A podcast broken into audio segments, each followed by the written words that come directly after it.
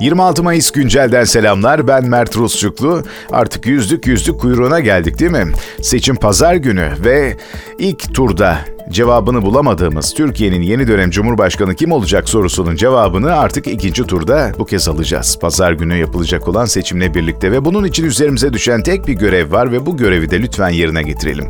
Sandığa gidelim ve oyumuzu kullanalım. Bu bizim vatandaşlık görevimiz. Lütfen ihmal etmeyin. Bu tur çok önemli. Evet, Türkiye'de e, yeni seçmenlerden söz ediyoruz bir süredir. Bu yeni seçmenler gençler mi?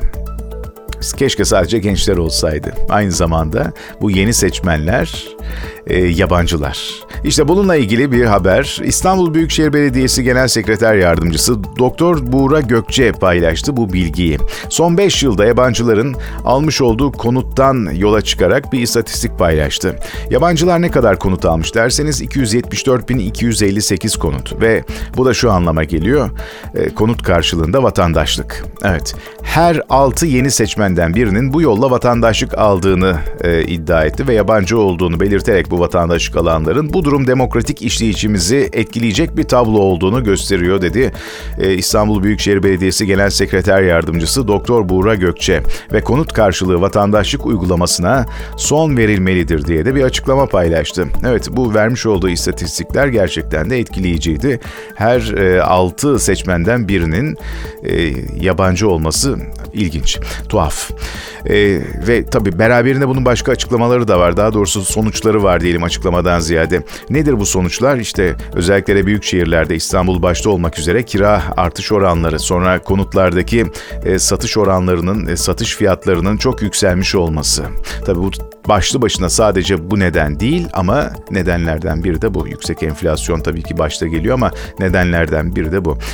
Peki gelelim bir başka konuya o da Muharrem İnce. Muharrem İnce e, dün daha konuşmuştuk. E, şaşırır mısınız? E, acaba Kılıçdaroğlu'nu destekleyeceğim derse diye sormuştum. Evet şaşırırız aslında şaşırırdık ki şaşmadık çünkü şöyle bir açıklama yaptı.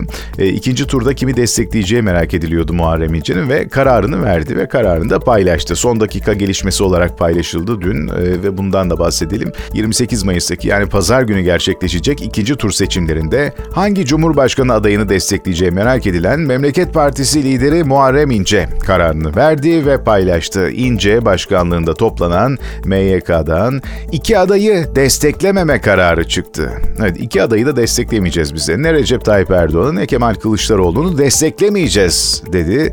Ya, e, Memleket Partisi e, Başkanı Muharrem İnce. Çekildiğimizde hangi noktadaysak o noktadayız. Açık destekle bildirmeyeceğiz e, denildi, öğrenildi. Peki bir başka konuda Zafer Partisi ve CHP arasındaki protokolde bu protokolün e, acaba Kürt seçmen üzerindeki etkisi nasıl olacak, motivasyonunu nasıl etkileyecek Kürt seçmenin diye merak ediyorduk. İşte bununla ilgili de e, bir açıklama geldi.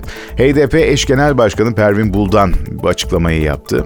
Şöyle dedi, 21 yıl boyunca aşama aşama tek adama bağlı bir rejim inşa eden bir yapıyla karşı karşıyayız. İşte bu yüzden 28 Mayıs seçimi sisteme yönelik demokratik değişiklikten yana olanlarla bu tekçi rejimi sürdürmek isteyenler arasında bir referandumdur dedi. Dün Zafer Partisi ile CHP arasındaki protokole de değinildi ve e, bu minivalde değerlendirdik ve eleştirilerimizi paylaştık. Eleştirilerin haricinde de kararımızı da paylaştık denildi ve bu kararda Kemal Kılıçdaroğlu'nu destekleme yönündeydi. Peki 28 Mayıs yani pazar günü Türkiye'nin yeni dönem Cumhurbaşkanı resmen belli olacak. Ama bunun için en başta da söylediğim gibi bizim üzerimize, vatandaş olarak üzerimize düşen büyük bir görev var. O da sandığa gitmek ve oyumuzu kullanmak.